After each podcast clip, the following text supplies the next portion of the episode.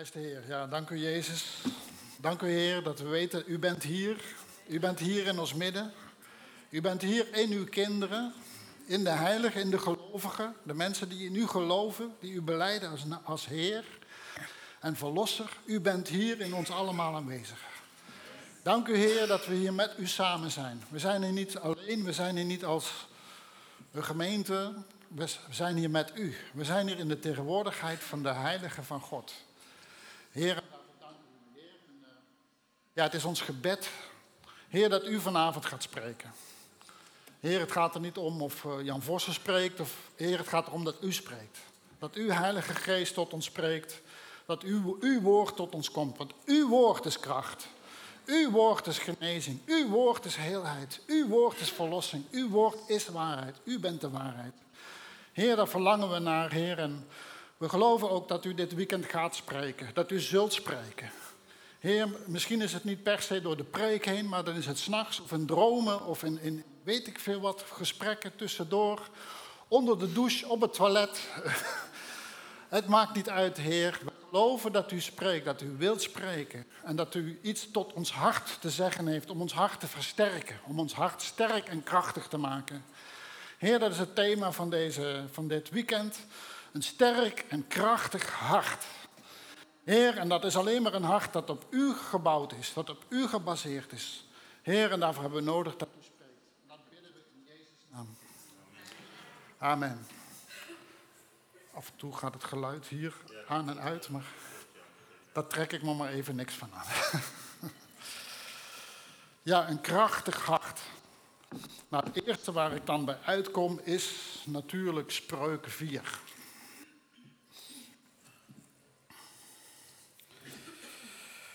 Spreuken 4 staat een revolutionaire tekst. Echt waarlijk revolutionair. We hebben het over een uh, politieke aardverschuiving deze week in, uh, in Nederland. Wat hier staat is revolutionairder dan dat. Spreuken 4, vers uh, 23, daar staat: Bescherm of bewaar je hart boven alles wat te beschermen of te bewaren is. Want daaruit, uit het hart, en in deze vertaling zijn de uitingen van het leven. Iemand anders heeft misschien een andere vertaling. In plaats van de uitingen van het leven. De oorsprongen van het leven staat in sommige vertalingen. De issues of life, zegt de, zegt de Engelse Bijbel. Dus de, het woord God, dus uit het hart, zegt de Bijbel, zijn de oorsprongen van het leven. Oftewel, jouw leven, hoe jouw leven is, hoe jouw leven, hoe jouw leven gaat, wordt bepaald door wat er in jouw hart leeft. Daarom zegt het, bescherm je hart boven alles wat er te beschermen valt. Het is belangrijker dat je je hart beschermt dan je fiets of je auto of, of ik wou nou bijna zeggen gezin, maar dat durf ik er bijna niet bij te zeggen. Maar het, en het is zo compleet tegenovergesteld aan wat de wereld zegt. Want de wereld zegt dat jouw leven wordt bepaald door de omstandigheden. Jouw leven zegt hoe jouw, de, de wereld zegt hoe jouw leven is, hoe je leven gaat. Hoe de, hoe de dingen zijn in je leven worden bepaald door je omstandigheden. De wereld denkt zelfs dat het de omstandigheden zijn die het leven zelf uh, geschapen hebben. De een of andere toevallige omstandigheid zijn er wat aminozuren bij elkaar geklonterd en that's life. dat, uh, ik bedoel maar, in alle opsten, waar het ook over gaat, als iemand een, een, een, misdaad heeft begaan, dan komt het doordat hij slechte jeugd gehad heeft, of niet genoeg aandacht heeft gehad voor zijn vader of zijn moeder. Of ben je in armoede, dan komt dat omdat je geen gelijke kansen hebt gehad. In alle, in alle dingen verklaart de wereld hoe jij bent uit je omstandigheden. En ook heel veel gelovigen, heel veel christenen redeneren mee met de wereld, met het denken van de wereld. Wat hier staat is precies het tegenovergestelde. Staat, het zijn niet de omstandigheden die jouw leven vormgeven, het is wat in jouw hart is. Wat in jouw hart gevestigd is, dat bepaalt je leven. En het zegt ook nog, bescherm dat, behoed dat boven alles. Oftewel, jij hebt er een verantwoordelijkheid voor en je hebt er ook invloed op. Oftewel, je bent verantwoordelijk voor, je bent voor wat er in jouw hart leeft. Uiteindelijk ben jij degene die bepaalt wat erin komt en wat er niet in komt. Het is totaal anders als, de, wat de wereld. De wereld zegt, ja, als je dit bent, ja, je hebt slechte jeugd gehad. Of je hebt verkeerde vrienden gehad. Weet je wel? Heel veel mensen zijn bang dat hun kind met verkeerde vrienden uh, krijgt. Van dan ligt het aan die verkeerde vrienden. Nou, misschien kan je ook geloof hebben dat jouw kind een goede vriend is voor, voor hun. Afhankelijk wat, je, wat erin zit. dus waarom zouden we daar. We zijn allemaal bang voor de omstandigheden, de invloed, de maatschappij, de economie. Ehm, alles gaat over de omstandigheden. Dit is zo revolutionair wat hier staat. Zo revolutionair. Bescherm je hart boven alles wat te beschermen is, want daaruit zijn de uitingen van het leven. Wat in jouw hart leeft, dat geeft jouw leven vorm. En uiteraard zijn er periode, is er een periode in je leven dat je daar geen flauw benul van hebt. Als je als, als kind opgroeit, ja, een kind neemt alles aan wat, wat, wat mensen zeggen, wat mensen beweren. Dat, hè, maar er komt een moment in je leven dat je, dat je volwassen moet worden. En als jij zover bent dat je zelf wil bepalen wat er wel en niet in jouw leven gebeurt, wat er niet in jouw leven, leven is en toegelaten wordt, zeg dit woord, bescherm jouw hart boven alles wat te beschermen is. Want dat bepaalt hoe je leven gaat. Nou is het belangrijk om te weten, wat bedoelt de Bijbel dan precies met je hart? wij associëren vaak eh, ook in de wereld hart met gevoelens. als we verliefd zijn, dan tekenen we allemaal hartjes en zo. Dat, dat, dat, maar de Bijbel vertelt eigenlijk van wat er in je hart leeft, het diepste in je hart, dat is wat je ten diepste denkt. Dat zijn je overtuigingen. Je hebt bepaalde overtuigingen in je hart, die vormen een soort grondslag en vanuit die overtuigingen kijk je naar alle dingen. Je beoordeelt alle dingen aan de hand van bepaalde basisovertuigingen die je in je hart hebt. En dat bepaalt hoe jij over dingen denkt, hoe je over situaties denkt.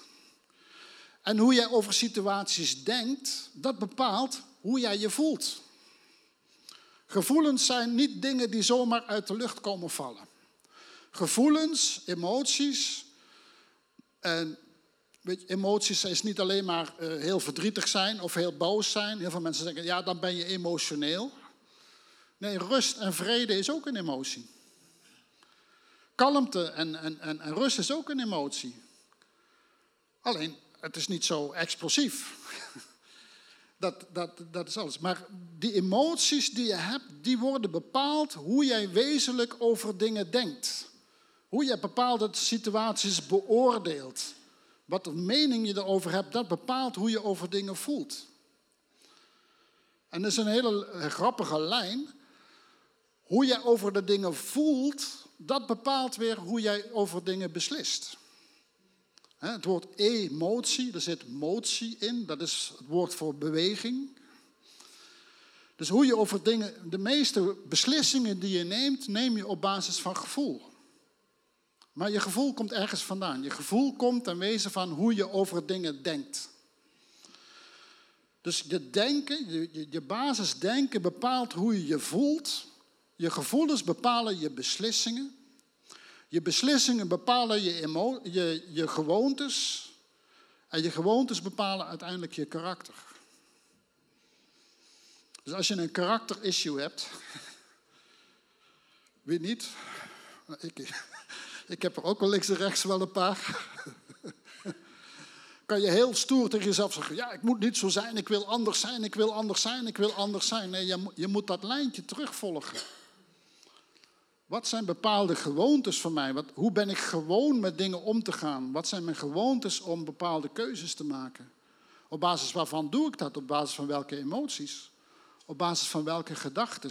Dat is de, de lijn die je moet volgen om te kijken waar komt het eigenlijk vandaan. Hoe komt het dat ik zo reageer op dingen? Hoe komt het dat ik over dingen zo denk? En de Bijbel zegt dus, bewaak dat, bewaar dat boven alles uit. Als je ergens waakzaam over moet zijn, dan is het wat laat ik toe in mijn hart? Wat laat ik toe in het wezen, in de kern van mijn denken? Wat zijn de basisovertuigingen over mezelf, over God, over de wereld, over anderen, die ik in mij, in, in mij toelaat? En de Bijbel zegt van, je hebt daar een keuze in en je hebt daar een verantwoordelijkheid voor. Dat betekent dus, je kan nooit zomaar zeggen van, ja, maar omdat hij of zij zo is, omdat hij of zij dit heeft gedaan, daarom reageer ik nu zo. Dat is weer dat jij bepaald wordt door de omstandigheden. Ik weet nog goed het, het moment dat ik volwassen werd in de relatie met mijn vrouw. En ik moet eerlijk bekennen dat ik al qua leeftijd al iets gevorderd was. Dat was het moment dat ik wezenlijk besloot, ik maak jou niet meer verantwoordelijk voor hoe ik me voel en hoe ik reageer. Ik hou jou niet meer verantwoordelijk voor omdat jij zo bent. Omdat als ik een half woord zeg, jij een kwartier aan het woord bent daarna. hou ik maar verder mijn mond. Dat komt omdat jij zoveel praat. Ik hoor wat herkennende lachjes. Links en rechts. Maar ik zeg, nee, jij bent daar niet verantwoordelijk voor. Ik ben verantwoordelijk voor de keuze dat ik mijn mond hou. Ik ben verantwoordelijk voor de keuze dat ik ophoud met communiceren. Ik stel jou niet meer verantwoordelijk daarvoor. Op het moment dat je zo'n keuze maakt, dat je, dat je niet meer jouw keuzes, hoe jij reageert, hoe jij dingen bepaalt, niet meer afhankelijk maakt van de opstelling en de houding van een ander. Dat is het moment dat je volwassen wordt en dat is het moment dat je in de vrijheid komt. Je, bent, je wordt niet meer bepaald, jij bepaalt zelf. Jij, als jij ervoor kiest om stom en rot te reageren, ik zou het niet doen. Maar als jij ervoor kiest, kan je daar niets en niemand verantwoordelijk voor stellen als alleen maar jezelf. Het is jouw keus. En dat gaat zo in tegen alles wat de wereld zegt. Daarom zeg ik, deze tekst is revolutionair. Als je begrijpt wat hier staat, kan dit je leven totaal veranderen kan je een totaal andere manier van relaties geven, een totaal andere manier van verhoudingen naar, naar wie of wat, wat dan ook. Er is niets of niemand die in staat zou moeten zijn jou uit je evenwicht te halen. Waarom niet? Omdat je begrijpt en snapt, ik ben zelf verantwoordelijk hoe ik reageer. Het zijn mijn keuzes, ik kies ervoor om zo te denken, ik kies ervoor om zo te reageren. En de Bijbel staat in feite vol van, van, van dit soort verantwoordelijkheden. Je leest nooit in de Bijbel dat iemand zus of zo is vanwege zijn opvoeding of vanwege zijn omstandigheden. Of dat iemand zo of zo heeft gereageerd omdat ja, zijn vader nooit thuis was. Of Weet je, dit, dat, dat lees je nooit in de Bijbel, maar deze wereld is vol, totaal gevuld met dat soort denken. En dat betekent, als jij het product bent van je omstandigheden, dan heb jij nooit zeggenschap en heerschappij over je eigen leven. Want wat kan jij doen aan de omstandigheden? Maar wij zijn niet geroepen om aan, onder de omstandigheden te leven. Mensen vragen, ja, hoe gaat het met je? Ja, best goed, maar onder de omstandigheden. Zeg ze altijd, wat doe je onder de omstandigheden? Je zou er boven moeten staan, boven de omstandigheden. Dus bescherm je hart boven alles wat te behoeden is, want daaruit zijn de uitingen van het leven. We hebben een andere tekst, Psalm 84. En er staat een geweldige belofte voor de mensen die dat gedaan hebben. De mensen die opgelet hebben, opgepast hebben, wat ze in hun hart toelaten en wat ze in hun hart niet toelaten. Ik lees dat in Psalm 84, een van mijn lievelingspsalmen. En daar staat uh, vanaf vers, dit licht vind ik dat een beetje moeilijk te zien. Ik denk vers 6. Welzalig de mens van wie de kracht in u is. In hun hart, hier heb je weer dat hart, zijn de gebaande wegen. Gaan zij door een dal van de moerbijbomen, dan maken zij, in deze vertaling staat, en dat staat meestal schuin gedrukt, om aan te geven van nou, wij snappen deze tekst niet, dus we denken dat dit ertussen moet staan. Zij maken zij God tot hun bron. Andere vertalingen, en dat, die zeggen dat wat, wat beter, zij maken het tot een oord van bronnen. Ook zal de regen hen overvloedig bedekken. Zij gaan voort van kracht tot kracht. Zij zullen verschijnen voor God in Sion. Dus hier, hier staat een, een, een zegenspreuk uit. Een zegen voor de mens. Van wie de kracht niet in zichzelf ligt, maar in God is. En wie in zijn hart gebaande wegen heeft. Ik ga we daar nog op in wat, wat de gebaande wegen precies zijn in je hart dit, dit, gaat dus niet over het soort uh, trottoir en of het uh, zo op asfalt is en dergelijke. het gaat over de gebaande wegen in je hart. Zelfs al gaan ze door een dal van de moerbijbomen, uh, myrtestruiken staan in andere vertalingen. Dit soort gewas komt alleen voor in een hele droge, dorre streek. Dus dat betekent zelfs al gaan zij door omstandigheden heen, die dor en droog zijn, die dood zijn, waar het, waar het moeilijk in, in leven blijven is.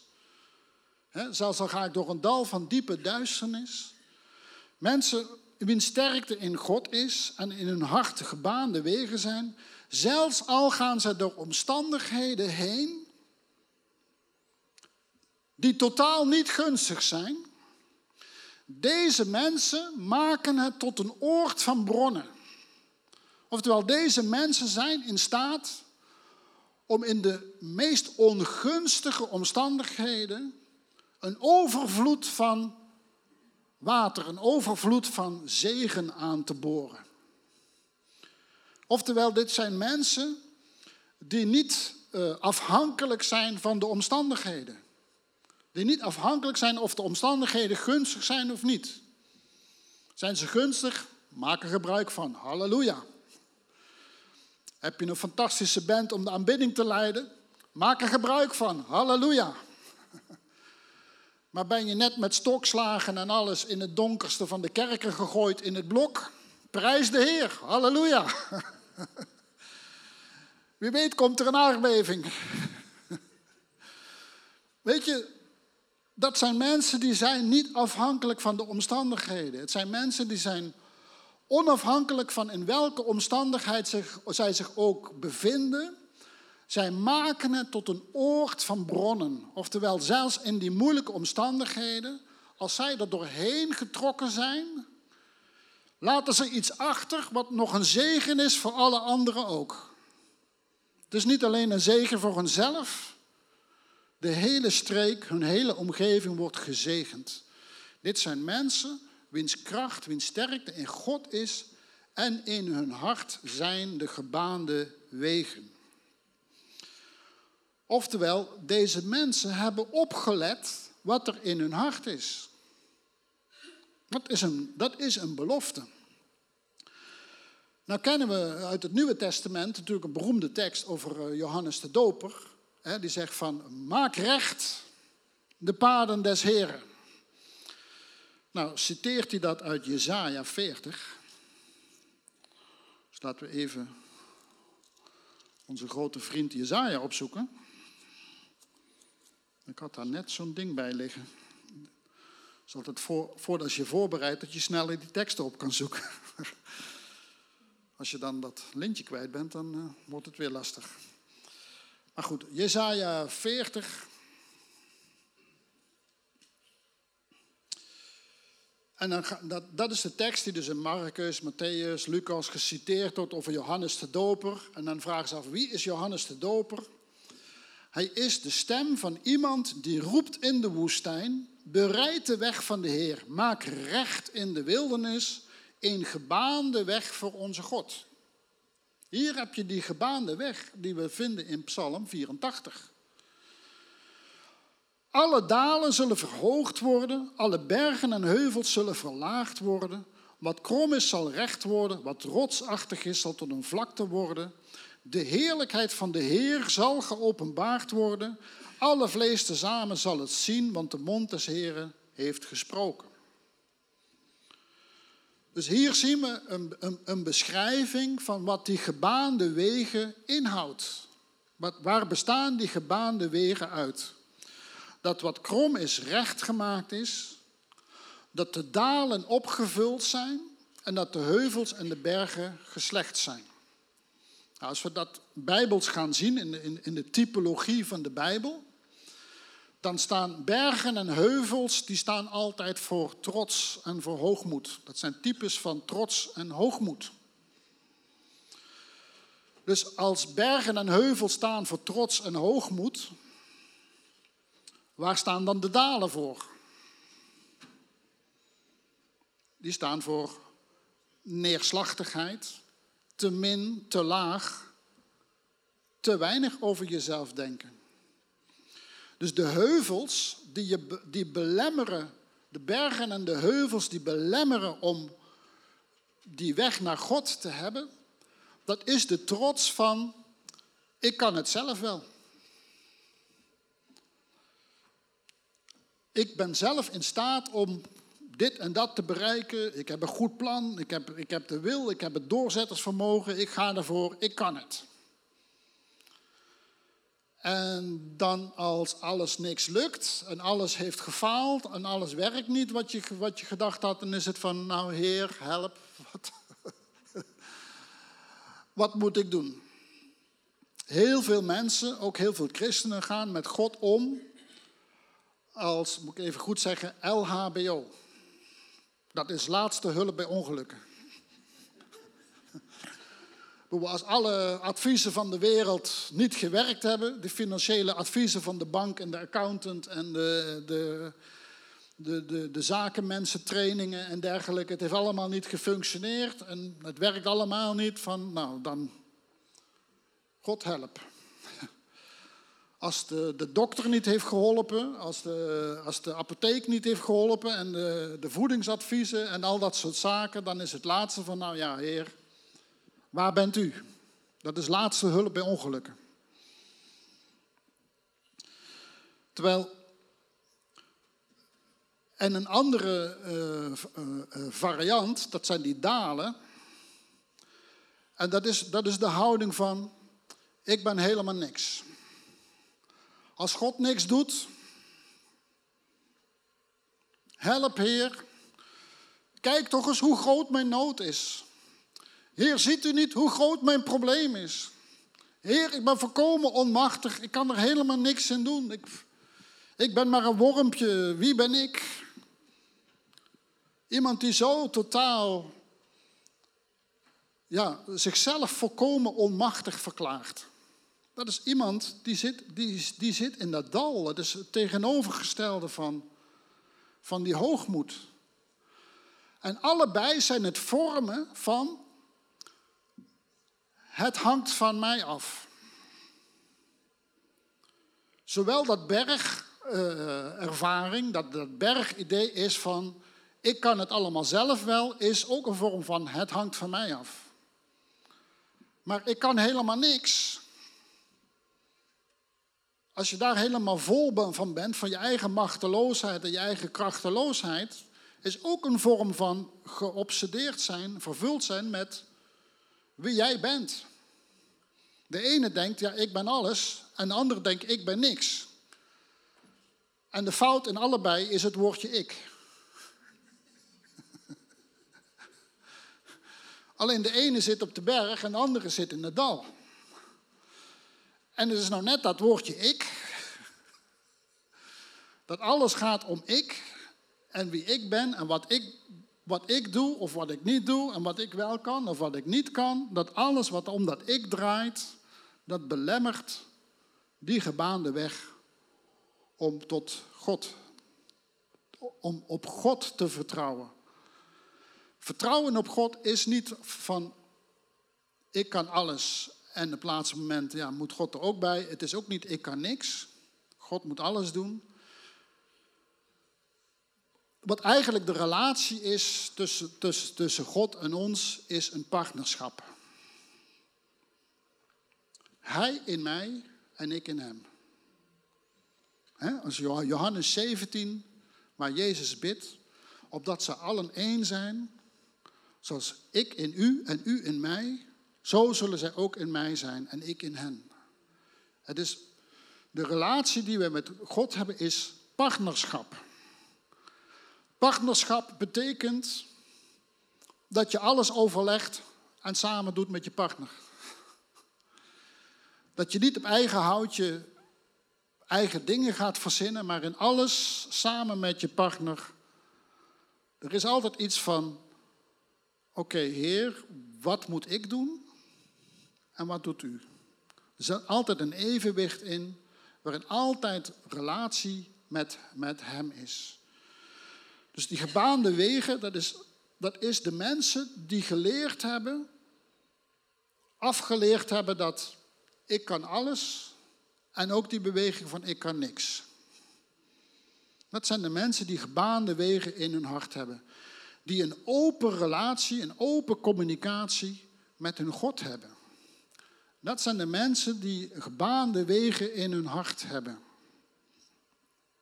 En dan belooft Psalm uh, 84 dat de mensen bij wie dit gevestigd is, bij wie dit ontwikkeld is, zelfs al gaan ze door totaal ongunstige omstandigheden, deze mensen zijn in staat om deze omstandigheden om te vormen tot een oord van bronnen.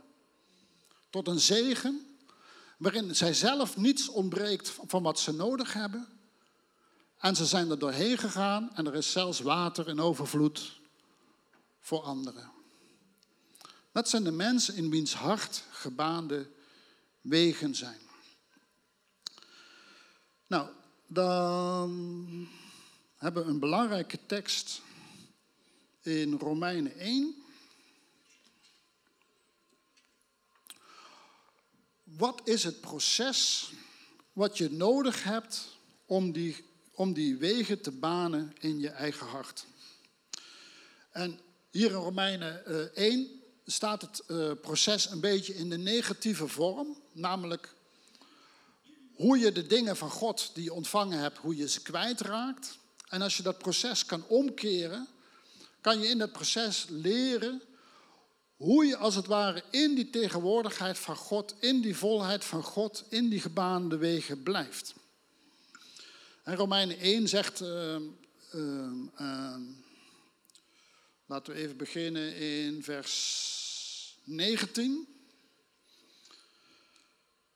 Um, waar, uh, waar Paulus uitlegt van alle mensen hebben een openbaring van God. Mensen zullen niet later voor God kunnen staan en zeggen, nou ja, ik, had, ik, wist niet eens dat u bestond. Ik wist niet eens dat u er was. Alle mensen hebben van nature binnen in zichzelf een openbaring van God. Alleen ze hebben geleerd die openbaring weg te drukken. Staat daar, omdat wat van God gekend kan worden, hun bekend is. God zelf heeft het hun immers geopenbaard. Want de dingen van Hem die onzichtbaar zijn, worden sinds de schepping van de wereld uit zijn werken gekend en doorzien, namelijk en zijn eeuwige kracht en zijn goddelijkheid, zodat ze niet te verontschuldigen zijn. iedereen, iemand hoeft maar eens op een, op, op een, eh, op een uh, nacht naar de sterren, naar, naar, naar de hemel te kijken.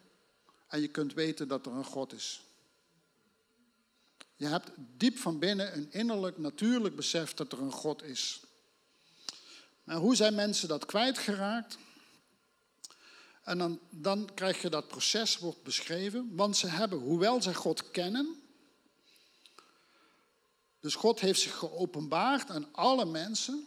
Er is geen verontschuldiging. Er zal niet straks iemand zijn die kan zeggen van, ik heb es niet gewoest. Want hoewel ze God kennen, hebben ze hem niet als God verheerlijkt. Dat is punt 1. Of gedankt. Dat is punt 2. Maar ze zijn verdwaasd in hun overwegingen. Dat is punt 3. En hun onverstandig hart is verduisterd. Dit is het proces waarin je de, de relatie met God kwijtraakt. En als je op deze dingen, deze punten let, dan ben je bezig met je hart te behoeden. Dan ben je bezig met je hart te beschermen. Het eerste punt is Hem niet als God verheerlijken. Wat, wat houdt het in? Wat betekent het om God als God te verheerlijken? Op zijn allersimpelst is dat het besef en de erkenning van Hij is God en ik niet. Heel vaak als ik naar mezelf denk ik, godzijdank. um, dat betekent, als Hij God is en ik niet, dat het vrij waarschijnlijk is om aan te nemen dat Hij het beter weet als ik.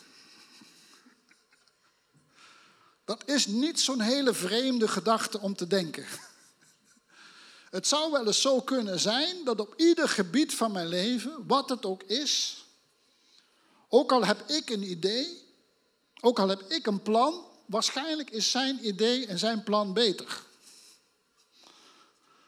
Heel waarschijnlijk heeft hij wat meer inzicht over wat er allemaal speelt en allemaal gaande is. De zichtbare dingen, de onzichtbare dingen, de dingen van de toekomst, de dingen die er nog gebeuren gaan, wat er allemaal bespeelt. Vrij waarschijnlijk heeft hij dat iets beter in de gaten als ik. Dus hem als God verheerlijken is op de eerste plaats zijn idee zijn gedachte, zijn woord, zijn mening boven die van ieder ander stellen, inclusief mezelf. Dus God verheerlijken betekent dus op de eerste plaats wie en wat ook iemand ook iets zegt, wat hij zegt, is waar. Dat betekent dus ook dat als ik mij minderwaardig voel, bijvoorbeeld, God heeft gezegd, jij bent mijn geliefde kind in wie ik mijn welbehagen heb. Maar ik denk van mezelf, wat een waardeloze, tekortschietende christen ben ik. Wat een flutpreek heb ik u afgeleverd. Wie zit daar nou op te wachten? Weet je, dat zijn allemaal ideeën en conclusies die ik met mijn beperkte blik over mezelf kan trekken. Maar God verheerlijken betekent zijn mening over mij boven die van mijzelf stellen. En als God tegen mij zegt, jij bent zoveel waard dat ik bereid ben mijn eigen zoon voor jou te geven, maar ik blijf vasthouden aan het idee van, wat ben ik waard? Wie zit er op mij te wachten? Wie heeft mij nodig? Dan stel ik eigenlijk mijn mening over mezelf boven die van God.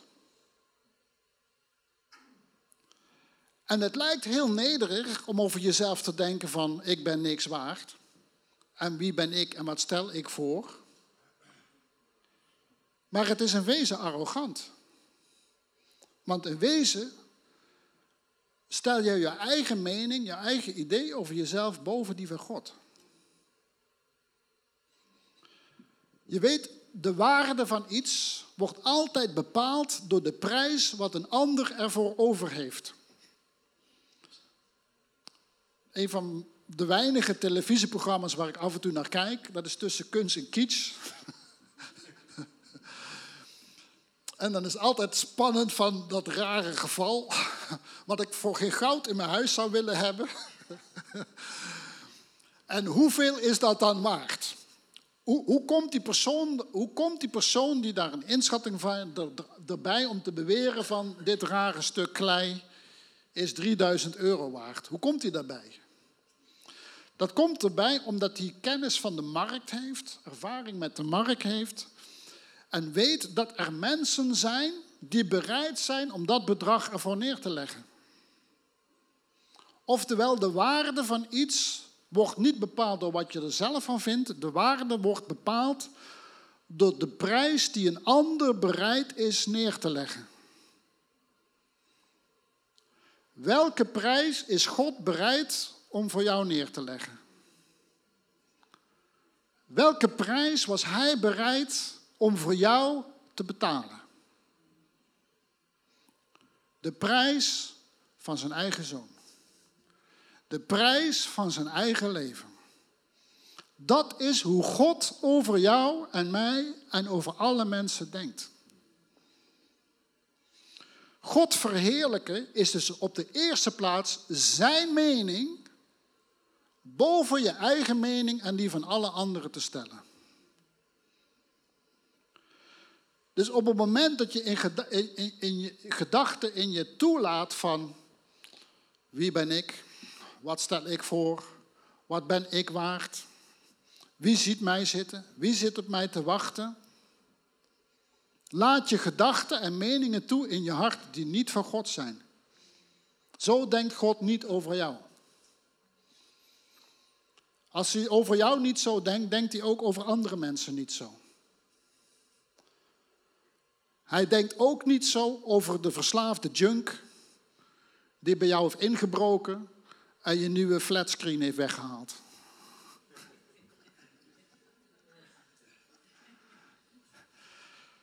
Ik zou mijn ideeën over die persoon hier in een kerkelijke omgeving niet uiten.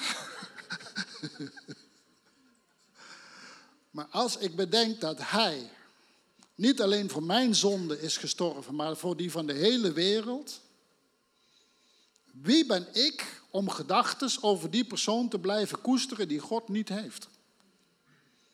Dat is mijn eigen mening verheffen boven die van God. Dus het eerste punt is God verheerlijken als God. Dat betekent zijn woord, zijn mening, zijn idee boven dat van alle anderen stellen.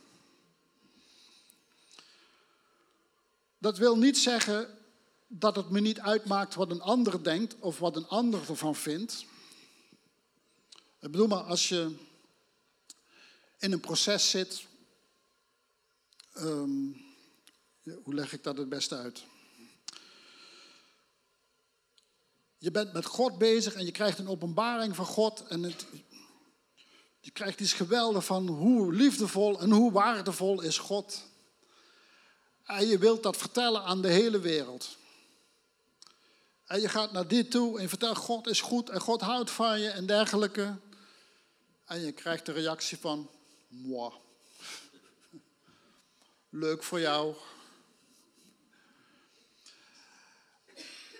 En jouw reactie is dan dat je helemaal verdrietig wordt en helemaal teleurgesteld wordt. Weet je wat je dan eigenlijk doet? Is dan hecht je waarde en belang aan de mening van die persoon die onverschillig is tegenover God. En dat, dat belemmert je om God te blijven verheerlijken. Want natuurlijk is het op een bepaald niveau pijnlijk. En je zou willen dat de persoon wel ziet hoe goed God is en wel dat ervaart. En, God heeft er meer verdriet over dan jij en ik allemaal bij elkaar samen. Maar uiteindelijk moet dat jouw stemming, jouw humeur niet, niet, niet bepalen. Want dan hecht je namelijk waarde aan de mening van de ander. En God verheerlijken betekent dus ongeacht alles wat het ook is, Gods woord, Gods mening staat boven alles. Dus dat betekent het om God te verheerlijken. Het tweede punt is, ze hebben hem niet gedankt. Nou, wij mensen hebben nogal eens de natuurlijke neiging om ons te focussen op alles wat nog niet goed is.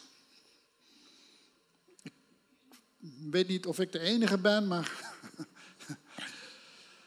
ik heb zo in een dag of in een week de neiging van waar ben ik vooral mee bezig, de hele dag, de hele week, met die dingen die nog niet zo zijn, zijn zoals ik vind dat ze zouden moeten zijn. Oftewel, dat je, dat, je, dat je focus ligt op die dingen die nog niet goed zijn. En hoe moet ik dat oplossen? Hoe moet ik dat veranderen? Hoe moet ik dat verbeteren? En, en dergelijke.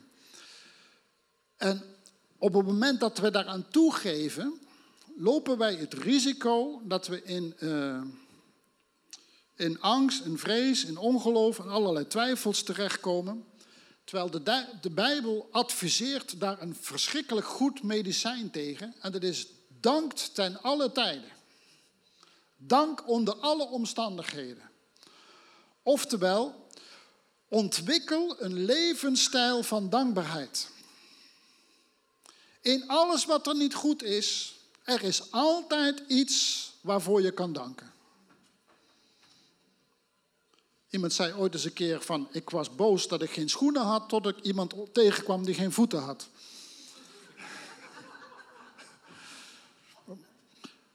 Mijn vrouw en ik zeggen echt wel bijna honderd keer tegen elkaar, dan is er iets en dan zeggen we ja, maar het is eigenlijk een luxe probleem.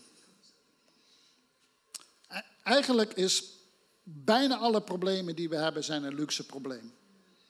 Als je wil, is er altijd iemand te vinden die er slechter aan toe is dan jij. Zo moeilijk is dat niet. Zeker niet in, in ons landje waar we leven in welvaart en moet je kijken, gebouw, geluidsinstallatie, comfortabele stoelen. Dat je kleren aan je lijf hebt, dat je adem kan halen. Dat je weet dat God van je houdt. Dat hij zijn eigen zoon voor je over heeft. Er zijn altijd punten te vinden om te danken. Maar we hebben erg de neiging Vooral in verkiezingstijd wordt dat altijd uitvergroot. Om overal te kijken naar alles wat er niet goed is, alles wat er niet deugt. Daar helemaal met onze emoties, alles storten we om ons op die dingen die niet goed zijn. Het medicijn daartegen is een levensstijl van dankbaarheid. Dank ten alle tijden, dank onder alle omstandigheden. Dus de tweede stap om je, om je hart te bewaren, om je hart te behoeden, is behalve dus Gods mening, Gods idee, Gods woord boven alles verheffen, boven alles op de eerste plaats, is een levensstijl van dankbaarheid. Je zou moeten leren om onder wat er dan ook gaande is, je kan altijd iets vinden om te danken. Je ligt in het ziekenhuis, je ligt aan de beademing, je ligt in het ziekenhuis. Je ligt wel in een ziekenhuis. ik bedoel maar, ik, waar ik tot geloof kwam op de Filipijnen, hebben we ogenblikkelijk na mijn doop een verschrikkelijk verkeersongeluk gehad. En uh, er was een stadsbus tegen onze, ons busje aangereden. Iedereen was gewond die in die bus lag. En er was geen ambulance en niks. En uh, door een wonder van God, ik was de enige die gewoon helemaal niks had. Ik heb al die mensen eruit gesleept, op straat gelegd, kwam een, kwam een, eh, een grindauto langs. Nou, die heeft het grind eruit gekiept, de gewonde mensen in de laadbak gelegd en naar een ziekenhuis gebracht. Alleen jammer, dat ziekenhuis had geen stroom. Die hadden twee uur stroom per dag. Ik bedoel maar, er is altijd iets waarover je kan ook dan kan je danken voor die grindwagen die bereid is om zijn grind daar langs de weg te kieperen. en die mensen in ieder geval ergens onder dak, het was moessontijd ook nog, te brengen. Ze lagen in ieder geval droog. Levensstijl van dankbaarheid, dat is essentieel om je hart te beschermen, om je hart te bewaren. Om op te passen dat je niet in beslag genomen wordt door alles wat nog niet is. Door alles wat nog niet goed is, wat nog niet, niet juist is. Dan staat er ook van, um, Uh, tel zijn zegeningen iedere dag en vergeet er niet één. Ik weet niet of je dat wel eens geprobeerd hebt, al zijn zegeningen te tellen. maar als je eenmaal begint, kan je niet stoppen. Echt, er komt geen eind aan zijn zegeningen. En dat geeft je een hart van dankbaarheid. En een hart van dankbaarheid, wat dat met je doet, is dat je voortdurend de goedheid van God blijft zien. Dat je voortdurend je oog op de goedheid van God blijft zien. En weet je wat dat met je doet? Het houdt je, het houdt je hart voortdurend in een conditie van geloof. Want geloof is in wezen niks anders als de natuurlijke reactie van een mens op een openbaring van de goedheid van God.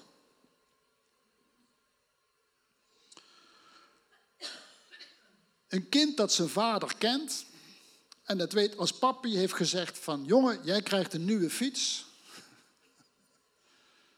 Dan weet dat kind, ik heb een nieuwe fiets.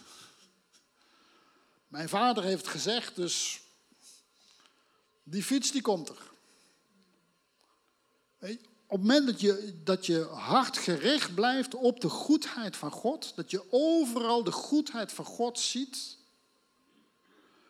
krijg je automatisch een reactie van geloof in, in je binnenste. Terwijl als je voortdurend bezig bent te kijken naar alles wat niet goed is, weet je wat er dan met je gebeurt? Dan worden de werken van de duisternis en van de duivel, die worden groter en groter en groter en groter in je denken. Op een gegeven moment denk je van, er is ook helemaal niks goeds in deze wereld. Alles is van de duivel, alles is van de Satan. Nee, dat is gewoon niet waar. Een levensstijl van dankbaarheid is essentieel in het behoeden en het bewaren van je hart en het openhouden van de gebaande weg tot God. Het derde punt is wat hier staat, zijn zijn verdwaasd in hun overwegingen. Nou, um, een heel lang verhaal om dit helemaal precies uit te leggen. Um, Andrew Womack heeft een heel mooi boek geschreven en dat is Sleutels tot het volblijven van God. Dat is deze studie wat ik nu geef, is eigenlijk daar een samenvatting van. En hij toont heel goed aan wat hier eigenlijk staat is, ze hebben de verkeerde plaatjes in hun hoofd. En wat bedoel ik daarmee? Uh, je geloof, waar jij geloof voor hebt, dat wordt als het ware, we kennen allemaal het begrip conceptie. Dat is een, als een zaadcel en een eicel bij elkaar komen, dat noemen we conceptie. Nou, de plaatjes in je hoofd, de verbeeldingen, de dingen die je als het ware voor je ziet, het filmpje wat je voor je ziet, daar wordt je geloof bevrucht. Nou, ik, ik, ik, zoek het goede woord en in het Engels is het conception. Ik hoop dat je me snapt. maar dat betekent, ehm, als je een bepaald nieuws hoort, welke film gaat er ogenblikkelijk in je gedachten draaien? Ik zal een, eh, een, voorbeeld geven. We hadden bij ons in onze gemeenschap hadden we een vrouw en die kreeg op een gegeven moment een aanval van uh, kwaadaardige huidkanker. En dat was uh, zo ver dat ze dus op een gegeven moment echt van die open wonden had, waar de pus en, de, en, en het bloed uitliep en dergelijke. En ze is echt die, die weg van geloof gegaan, omdat gewoon met God uh, ze is wel naar de dokter geweest voor de diagnose, maar ze heeft geen behandelingen, geen medicijnen, geen operaties uh, gevraagd. En ze is een hele, hele weg door te gaan, door, door in haar hart op te bouwen dat zij door de streamen van Jezus genezen is. En op een gegeven moment was zij zo ver dat het voor haar een vaststaand feit was. Zij uh, ging toen in de zomer, dat was na een maand of zes, ging ze naar de uh, herstelweek. Ik weet niet of jullie dat kennen zo'n conferentie in de zomervakantie. En um, daar wordt dan ook voor de zieken gebeden. En haar man zegt tegen haar van, er wordt gebeden, ga je ook naar voren? En ze had zoiets, nee, ik hoef niet naar voren, want ik weet dat ik al genezen ben. Terwijl de open wonden waren gewoon nog op haar lichaam. Op, in haar gezicht en op haar borst en uh, verschillende plekken. En, maar voor haar hoefde, zij, was, zij had zich zo opgebouwd dat zij wist, ik ben genezen. Dat stond voor haar vast. Het maakte haar niet meer uit wat ze zag. Zij wist, ik ben genezen. En s'avonds dacht ze in, bed, dacht ze, nou heer, ik weet hoe ver ik ben. Ik weet dat het voor mij vaststaat, maar het is ook leuk als mijn man het ook ziet. Dat was gewoon haar gesprek met God. En de volgende dag was alles dicht. Alles was over, alles was voorbij. Nou, dat is natuurlijk een fantastisch geloofsverhaal. Dus zij vertelt dat in onze kring. En wat gebeurt er bij mij? Ik krijg onmiddellijk allerlei van, ik hoor dat verhaal. Ik denk van, nou, als mij dat zou gebeuren, zou ik dat dan ook zo kunnen? Zou ik er ook zo mee kunnen omgaan wat zij? En, er, ging, er gingen allemaal plaatjes in mijn hoofd waarin ik mijzelf zag met open wonden. En weet je, dat is gewoon de kraamkamer van je geloof. En hoe zou ik er dan mee omgaan? En als het dan niet zou werken, en wie moest ik allemaal voor mijn begrafenis vragen? er komt zo'n hele film in je, in, in je hoofd met je, met je gedachten. Dat zijn de overleggingen wat staat hier? Overwegingen, verdwaasd in je over. Dat zijn die overwegingen, dat zijn die plaatjes in je hoofd. Nou, en uiteraard, prijs de Heer, ik verwerp dat en dergelijke. En de volgende dag ontdekte ik een plekje op mijn lichaam die er niet goed uitzag. En gezwollen en het was, deed pijn en het was vuur en weet ik veel wat allemaal. En wat was mijn gedachte? Oh jee, daar zul je het hebben. Nou heb je de poppen aan de dans. en ik durfde de, ja, moet ik naar de dokter? Moet ik niet naar de dokter? Ja, stel nu dat de dokter zegt, ja, ja, het is kwaadaardig. Ja, moet ik dan? En hoe kom ik dan in die strijd en dergelijke? En ik durfde het zelfs aan mijn vrouw niet te vertellen. Na drie dagen heb ik het eindelijk ook aan mijn vrouw laten zien. Die kijkt het zo aan en die zegt van, is het geen steenpuist? wist ik veel hoe steenpuist, ik had nooit een steenpuist gezien en dergelijke. Maar goed, twee dagen later, het was dus een steenpuist. Maar snap je, je hoort een bericht en welk filmpje gaat er in je hoofd af? Stel dat je hoort dat de dokter tegen je zegt, je hebt kanker. En het is kwaadaardig. Welk filmpje gaat er in je hoofd af? Gaat er ogenblikkelijk in je hoofd af. Hoe zit het met mijn begrafenis? En moet het met mijn man of mijn vrouw en mijn kinderen en mijn financiën? En wat moet ik dan regelen? En wie moet ik allemaal vragen en dergelijke? Is dat het filmpje? Ik bedoel, maar die dingen zijn nog helemaal niet gebeurd. Waarom zou je niet het filmpje in je hoofd hebben van Kijk, en op die dag was ik helemaal genezen en had God de wonder gedaan en was ik helemaal schoon en stond ik te getuigen van wat God gedaan had. Maar dat is ook nog niet gebeurd. Het is allebei nog niet gebeurd, maar welk filmpje gaat er draaien in je hoofd? Dat zijn de overwegingen waar het hier om gaat. Dus de mensen die God niet verheerlijken, zijn mensen die geen levensstijl van, van dank ontwikkelen. Dat zijn uiteindelijk de mensen die met omstandigheden, met dingen die, die gebeuren, ogenblikkelijk in hun gedachten gaat rond van hoe het allemaal fout kan gaan en hoe het allemaal nog erger kan worden als dat het is.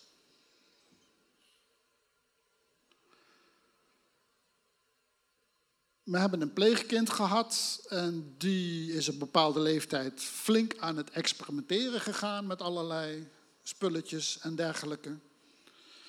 En dan voel je je verantwoordelijk en hoe verleidelijk is het nou niet om, om als het ware te zien van, oh, het gaat helemaal fout.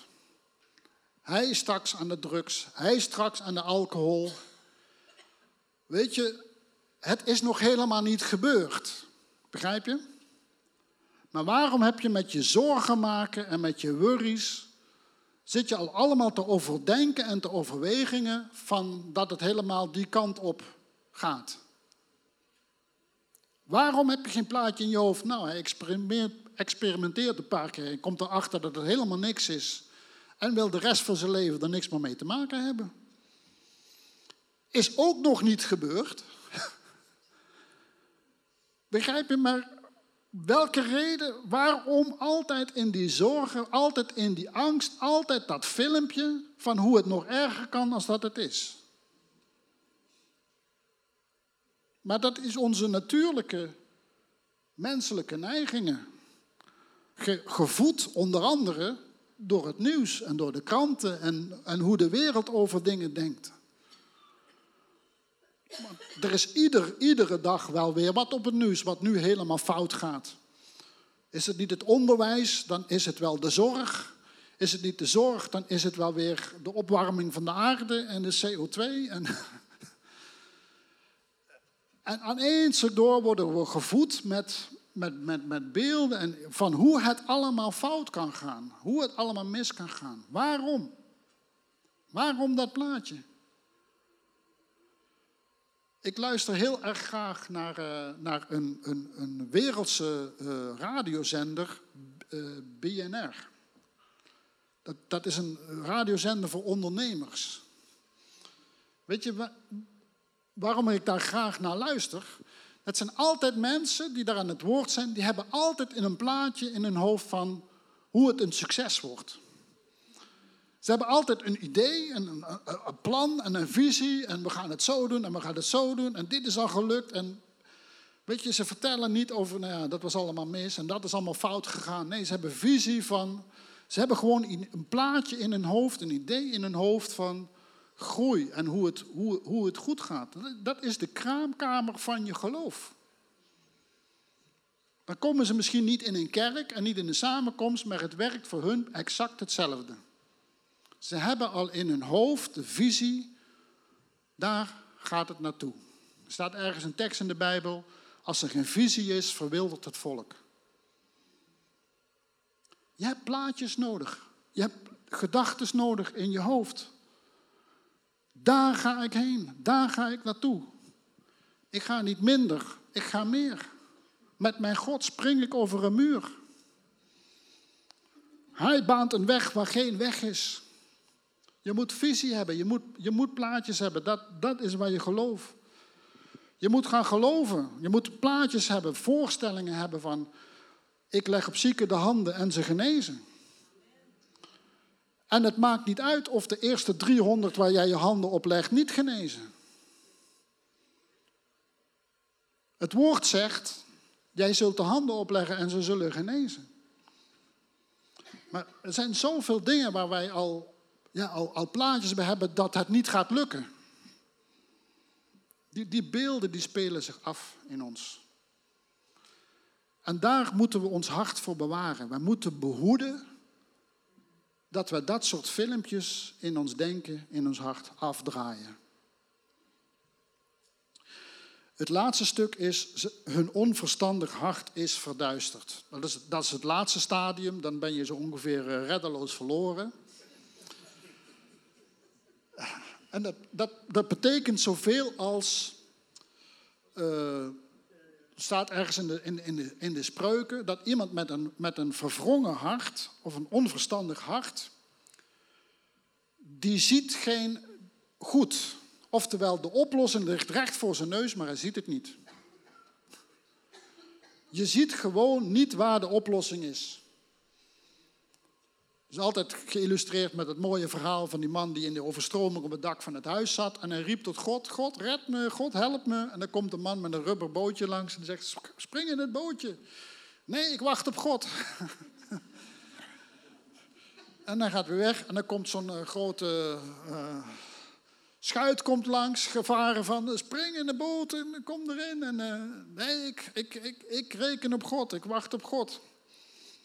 Even later komt er nog een helikopter langs, touwladder naar beneden, springen, klimmen die touwladder van het gaat niet goed. Nee, ik, ik verwacht op God. Nou ja, hij blijft wachten, hij stort in, hij verdrinkt, komt hij bij God en zegt, waar was hij nou? ja, zegt God, ik heb eerst een rubberbootje gestuurd, maar je wou niet. Toen heb ik die, uh, die Rijnaak gestuurd, je wou niet, heb ik nog een helikopter geregeld voor je, heb je ook niet. Maar het antwoord is er al. De oplossing ligt al gewoon voor het grijpen, maar jij ziet hem gewoon niet. Ik weet niet of je dat kent in jouw leven. Ik heb dat soms met een schroefje wat ik kwijt ben. Het ligt echt onder mijn neus en ik zie het niet. Wat ik dan heel vaak doe, is dan ga ik in tongen bidden. En meestal leg ik dan zo mijn hand erop. Van, oh ja, dat had ik al tien keer gekeken. En dat is precies ongeveer waar het ligt. Dat, uh, dat werkt al, altijd. Maar weet je, dat, dit zijn de vier dingen die essentieel zijn in het bewaken van je hart. In het behoeden van je hart boven alle dingen. God, zijn woord, zijn mening, zijn visie staat boven alles. Het is belangrijker dan de mening van wie en wat dan ook. Inclusief jezelf. Inclusief mezelf. Dat is het eerste punt. Ten tweede, een levensstijl van dankbaarheid. Ik bedoel, niet af en toe is een dankgebedje. Nee, ik bedoel een levensstijl van dankbaarheid. Een voortdurende focus, een besluit om altijd te willen kijken, is er iets waar ik voor kan danken? En als je wil, vind je altijd iets om te danken. En het zal je hart houden, gericht houden, open houden om de goedheid van God te zien. En het zal automatisch als reactie daarop geloof in je opwekken. Ten tweede, let bewust op de filmpjes die je in je hoofd krijgt als je iets ziet of hoort of zegt van ja, de griep heerst. En denk je ogenblikkelijk, ja, en toen ging ik er ook. En, en uh, nou, verschrikkelijk was dat. En toen lag ik drie dagen zo. Weet je. Op het moment dat je dat soort dingen hoort, wat voor filmpje gaat er af van je? Het is allemaal nog niet gebeurd. Dus je kan net zo goed een ander filmpje afdraaien. Is misschien ook niet gebeurd. Het is de kraamkamer van je geloof. Daar wordt je geloof, de conceptie van wat je werkelijk gelooft, wordt daar, wordt daar geboren. En soms ligt de oplossing recht onder je neus. Bid de Heilige Geest. In tongen bidden is echt. Daar kan ik niet genoeg. Dat wordt mijn volgende. Ik heb nog een uur nu voor tongen bidden, toch? Of? Hoe belangrijk dat is. Nou ja, maar gekheid. Maar jullie hadden nu allemaal een filmpje in je hoofd, je te diep in de nacht naar mij zat te luisteren. Maar dat is nog niet gebeurd. Je kan ook een filmpje in je hoofd hebben dat ik nu ga afronden.